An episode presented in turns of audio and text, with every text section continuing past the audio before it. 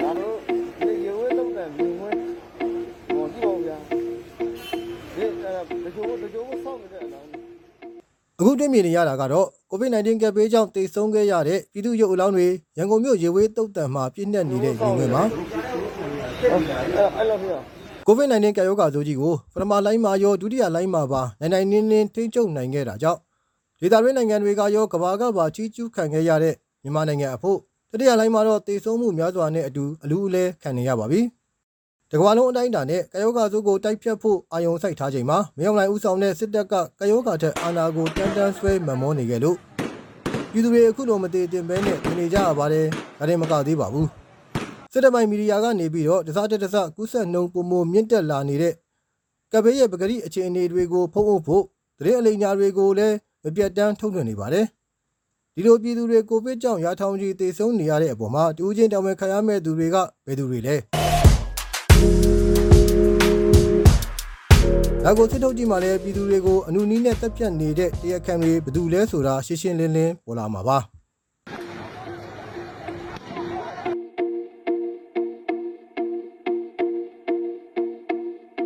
ဒီဖြစ်စဉ်အစအဆုံးမှာအလုံးစုံအပြည့်အဝတာဝန်ရှိတဲ့သူကတော့မင်းအောင်လှိုင်ပါပဲ သူရဲ့လက်ရှိအာဏာကိုလက်မလွတ်ချင်တာကြောင့်သာအခုလိုပြည်သူတွေကိုဗစ်တန်ကိုအလူအလဲခံစားရပြီးတော့တည်ဆုံနေရတာပါဒီကမ္ဘာလုံးကိုဗစ်ကပ်ဘေးတိုက်ဖြတ်နေချိန်မှာမင်းအောင်လှိုင်ကတော့ကိုကျိုးစည်းဘွားအတွက်အာဏာသိမ်းခဲ့ပါတယ်ဒီချုပ်အစိုးရလက်ထက်ကိုဗစ်ပထမလိုင်းနဲ့ဒုတိယလိုင်းကိုတည်တည်ငြိမ်ငြိမ်ထိန်းနိုင်ခဲ့တာကိုကြည့်ပြီးတော့သူလဲလုံးနိုင်မယ်ထင်ခဲ့ပုံရပါတယ်အာဏာသိမ်းမှုမတိုင်ခင်ကတည်းကလည်းကိုဗစ်ကိုကင်တွယ်ထိန်းချုပ်ဖို့သူစစ်တပ်ကအသင့်ရှိကြောင်းပြောခဲ့ပါသေးတယ်အာဏာသိမ်းပြီးနောက်မှာလည်းတစ်ကြိမ်ပြောခဲ့ပါသေးတယ်တကယ်လက်တွေ့မှာတော့ ကိုဗစ်ကိုကင်တွယ်ထိန်းချုပ်ဖို့နေနေသလားပြည်သူတွေကိုယ့်အကိုကိုယ်ပြီးစ조사တိုက်ဖြတ်နေတာတွေကိုတော့အနောက်အရှက်ပေးခဲ့ပါသေးတယ်မင်းအောင်လှိုင်ရဲ့အစီအမံညံပြင်းတာတွေနဲ့ပတ်သက်လို့မြို့သားညီညွတ်ရေးအစိုးရကျန်းမာရေးနဲ့ပညာရေးဝန်ကြီးဒေါက်တာဇော်ဝေဆိုးကအင်တာဗျူးတစ်ခုမှာအခုလိုထောက်ပြပူပါတယ်နောက်တစ်ခုကတော့အခုလိုမျိုးဒီလိုဖြစ်နေတဲ့အချိန်မှာအောက်ဆီဂျင်ဆိုရင်သူများဒီပြည်သူတွေရှူရမယ့်အောက်ဆီဂျင်ကိုသူတို့ရှူတယ်ဆိုတာကိုကစဉ်းစားကြည့်ဆရာတို့တွေ second ဒုတိယလှိုင်းတုန်းကအောက်ဆီဂျင်ရန်ကုန်မှာအောက်ဆီဂျင် လူပေါင်း9000 6000ကိုတပြိုင်နက်တည်းရှူခွင့်ရအောင်လုပ်ထားခဲ့တယ်နော်တနေ့ကိုအောက်ဆီဂျင်ဆလင်ဒါနှလုံးနဲ့အောက်ဆီဂျင်ဆလင်ဒါပေါင်း1000ကျော်ဆရာတို့ရှိအောင်လုပ်ခဲ့တယ်နော်အောက်ဆီဂျင်အဲ့လိုမျိုးတွေကိုစီစဉ်ခဲ့တာအခုဟာအဲ့လိုမျိုးတွေလုံးဝဒါတွေကိုစီစဉ်ထားခြင်းမရှိတဲ့အပြင်ပြည်သူတွေရှူမဲ့အောက်ဆီဂျင်တော့သူတို့ရှူတဲ့သဘောရှိတယ်နော်အဲ့ဒါမျိုးတွေအခက်အခဲဖြစ်အောင်လည်းလုပ်ထားတဲ့သဘောရှိတယ်ပေါ့နော်နောက်ထပ်အစည်းအဝေးတစ်ခုမှာမင်းအောင်လှိုင်ရဲ့ကိုဗစ်နဲ့ပတ်သက်တဲ့ပြောစကားတွေကတော့မှတ်တမ်းဝင်ခဲ့ပါတယ်။ ဘာဖြစ်လဲဆိုတော့ကြက်တွေကိုလွန်ခဲ့တဲ့6နှစ်ကလေးကကြိုမွေးခိုင်းထားတယ်ဆိုတာပါပဲ။အခုလိုတတိယလိုင်းမှာပြည်သူတွေတေဆုံးမှုများနေတဲ့အပေါ်ဝါရနိုင်ငံရေးသမားတို့ကတော့အခုလိုမှတ်ချက်ပေးထားပါတယ်အဲ့ဒီအခုတတိယလှိုင်းပေါ့လေကိုဗစ်တတိယလှိုင်းဝင်လာတာနဲ့ပတ်သက်ပြီးတော့အဲပြင်ဆင်မှုလုံးဝမရှိသလိုလက်လွတ်စပယ်ကြလွန်အားကြီးတဲ့ဒီစက္ကစရဲ့အဲဟိုအုပ်ချုပ်မှုပေါ့ စက္ကစရဲ့စစ်ကောင်စီရဲ့အုပ်ချုပ်မှုကအလွန်ကိုသူကဟိုညံ့ဖျင်းလွန်းရကြတယ်ဆိုတာရှင်းနေတာပဲဒါကိုပြည်သူကဘယ်လိုတော့သတ်မှတ်ကြတယ်ဆိုရင်ဒါကပြည်သူကိုတတ်ဖို့အတွက်ရည်ရွယ်ချက်ရှိရှိနဲ့ဒီလိုပဲလုပ်နေသလားလို့တော့သူကတတ်မှတ်လာကြတယ်အမှန်ကတော့ရည်ရွယ်ချက်ရှိရှိလုပ်တယ်ဆိုတာတဲ့သူတို့ကိုယ်၌ကဒါကိုလည်းနားမလဲသလို ဒါကိုတကယ်ကာကွယ်သင့်တယ်လို့လည်းအလေးနဲ့ထားမရှိဘူးသူတို့အာဏာရရှိရေးနဲ့ပြည်သူလူထုကိုဆက်လက်ပြီးတော့ပြင်းပြင်းထန်ထန်ဖိနှိပ်ဖို့အတွက်ပဲသူစဉ်းစားကြတယ်။စဉ်းစားကြတဲ့အတွက်လူတွေကမကြုံဘူးလို့တဲ့သိဆုံးခြင်းတွေကဖြစ်လာကြတာပဲ။ဖြစ်လာတဲ့အခါမှာအရင်တုန်းက ဒီပထမလှိုင်းဒုတိယလှိုင်းကာလအားလုံးဟိုဒုတိယလှိုင်းငြိမ်သွားတဲ့အချိန်မှာတနိုင်ငံလုံးရဲ့အသေးပြောက်က6ရောက်လောက်ရှိပြီးတော့အခုကထောင်နဲ့ချီပြီးတော့သေဆုံးနေကြပြီလူတွေရဲ့ကူးစက်မှုဟာသိမ့်ပေါင်းများစွာကိုဖြစ်လာကြပြီအဲ့နဲ့ပတ်သက်ပြီးတော့တာဝန်အရှိဆုံးကတော့ဒီစစ်ကောင်စီရဲ့ခေါင်းဆောင်အဲ့ဒီမင်းအောင်လှိုင်ပေါ်မှာတာဝန်အရှိဆုံးပဲ သူဒီတာဝန်အရှိဆုံးကိုသူတာဝန်ယူရမှာပဲဟိုဒါကအဲပြည်သူကိုရည်ရွယ်ချက်ရှိသည်ဖြစ်စေမရှိသည်ဖြစ်စေပြည်သူကိုတမင်သက်သက်လောက်ကြံတက်ဖြတ်လိုက်တယ်နဲ့သိတူပါပဲဒီဖြစ်စဉ်မှာနောက်ထပ်တာဝန်အရှိဆုံးတစ်ယောက်ကတော့စစ်ကောင်စီရဲ့ကျန်းမာရေးဝန်ကြီးတက်ခိုင်ဝင်းပါပဲသူ့ရဲ့ညံပြင်းလာတဲ့စီမံခန့်ခွဲမှုနဲ့အတူ ကိုဗစ်ဟာပြည်သူလူထုကြားကိုဗျံပရအရှိန်အဟုန်ပြင်းပြင်းပြန့်နှံ့ခဲ့တာကြောင့်ပြည်သူတွေမတည်တည်မဲ့အများကြီးတည်နေရပါတယ်အောက်ခြေမှာဗီဇပြောင်းပိုးလက္ခဏာတွေတွေ့နေရပါတယ်လို့ပြောနေကြမှာတော့လက်ဆွဲတော်ခင်ခင်ကြီးရဲ့လူမှုကွန်ရက်ကနေမရေမရအချက်လက်တွေမပြောဖို့ထုတ်ပြန်တာတွေလုပ်ခဲ့ပါတယ်အောက်ဆီဂျင်ကျနေလို့အစိုးရဆေးရုံတွေစီရောက်လာတဲ့ပြည်သူတွေကိုအတင်းအိမ်ပြန်ခိုင်းတာမျိုးဆေးရုံရှိမှာတနက်ချိန်ထားတဲ့စစ်သားတွေနဲ့အောက်ဆီဂျင်လိုလို့လာတဲ့သူတွေကိုအောက်ဆီဂျင်မပေးဘဲပြန်လွှတ်တာမျိုးတွေဟာတစ်ဖက်လက်လူတက်နေသလိုပါပဲ ဒီဖြစ်စဉ်တွေကိုမြင်တွေ့နေရလျက်နဲ့ကျမရေဝန်ကြီးရာလူဆက်ယူထားတာဟာအင်မတန်မှအဆက်ကင်းမဲ့ရာရောက်ပြီးတာဝန်ယူစိတ်လဲကင်းမဲ့လို့ပါတယ်ဒါကြောင့်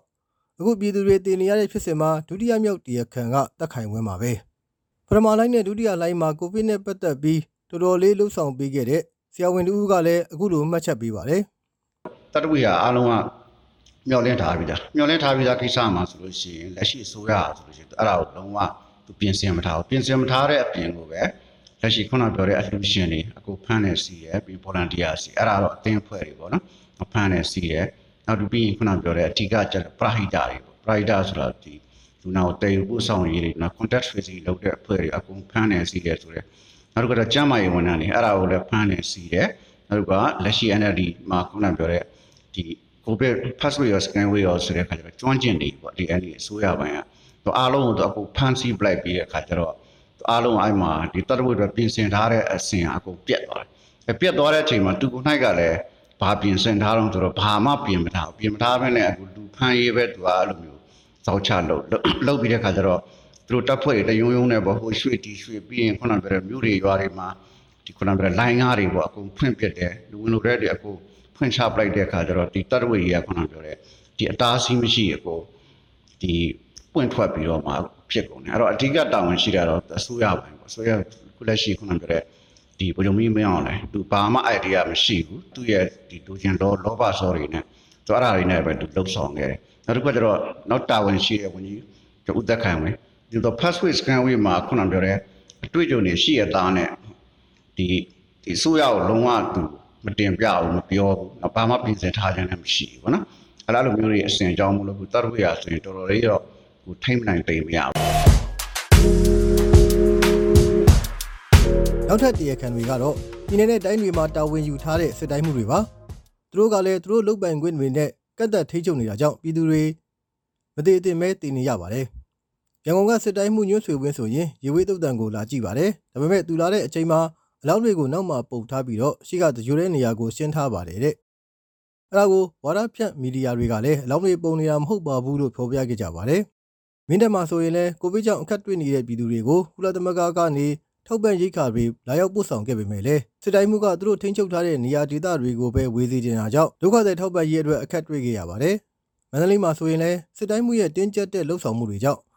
ပရဟိတလှုပ်ဆောင်နေရတဲ့သူတွေအခက်တွေ့လာရပြီးကိုဗစ်တတိယလှိုင်းကြားမှာမတည်တည်မဲနဲ့တည်လာကြရပါတယ်။အောက်ဆီဂျင်ဖြတ်ဝေတဲ့နေရာတွေကိုစစ်ကောင်စီအုပ်စုတွေပဲလက်ဝက်ကြီးအုပ်ထားပြီးတော့ပြည်သူတွေကိုတေခိုင်းနေတာပါ။ အခုပြောခဲ့တာတွေကဥပမာလောက်ပဲရှိပါသေးတယ်။တနိုင်ငံလုံးအတိုင်းအတာနဲ့စစ်တိုင်းမှုတွေအားလုံးလိုလိုဒီလိုလုပ်နေကြတာပါဒီလိုလှုပ်ဆောင်တာတွေကြောင့်တစ်ဖက်မှာပြည်သူတွေရဲ့တေဆုံနှုံတိတိတသာမြင့်တက်ခဲ့ရတာဖုံးကွယ်လို့မရနိုင်အောင်ပါပဲတရားဝင်ထုတ်ပြန်တဲ့စီးရင်တွေအရာကိုမြမလွန်းလာနေတာပါဝါရင်သတင်းစာဆရာတူဖြစ်တဲ့ဦးစီသူအောင်မြင့်ကတော့အခုလိုစီးရင်စရာနဲ့သုံးသပ်ပြပါတယ်မင်းအောင်လိုင်းအာနာမသိန်းကြီးပြီးခဲ့တဲ့2017ဇန်နဝါရီ31ရက်အထိကိုဗစ်ပထမလိုင်းဒုတိယလိုင်းကာလ ကိုဗစ်ဖြစ်ပွားသူစုစုပေါင်း339,864ယောက်ကုသပြောက်ကင်းသူ324,441ယောက်တေဆုံးသူ3,125ယောက်ရှိတယ်။ယောဂပြောက်ကင်းသူက69ရာခိုင်နှုန်းတေဆုံးသူက2.44ရာခိုင်နှုန်းရှိတယ်။မြောင်းလိုက်အာနာသိပီဖေဖော်ဝါရီ1ရက်နေ့ကနေဇူလိုင်23ရက်ည8နာရီအထိကိုဗစ်တတိယလှိုင်းကာလကိုဗစ်ဖြစ်ပွားသူစုစုပေါင်း3,196ယောက် ကုသပြောက်ကင်းဆေးရုံဆင်းသူ91,580တည်ဆုံးသူ9.93ရာခိုင်နှုန်းဥပမာလူတစ်သောင်းကိုဗစ်ဖြစ်တယ်ဆိုရင်ပထမလိုင်းဒုတိယလိုင်းတို့က244ယောက်တည်တယ်မင်းအောင်လှိုင်လက်ထက်တတိယလှိုင်းမှာ993ယောက်တည်တယ်မင်းအောင်လှိုင်လက်ထက်မှာတေဆုံးသူနှစ်ဆခွဲနီးပါးပိုများလာတယ်243ရာခိုင်နှုန်းအထိဖြစ်လာတယ်လို့ဦးစီသူအောင်မြင့်ကတွက်ချက်ပြထားတာပါ ဒါဟာစစ်ကောင်စီကျမရေးဝန်ကြီးဌာနကသူတို့ဖာသာသူတို့လိန်လည်ပြီးထုတ်ပြန်ထားတဲ့အချက်တွေနဲ့ပဲတွက်ထားသေးတာလို့လည်းသူကဆိုပါတယ်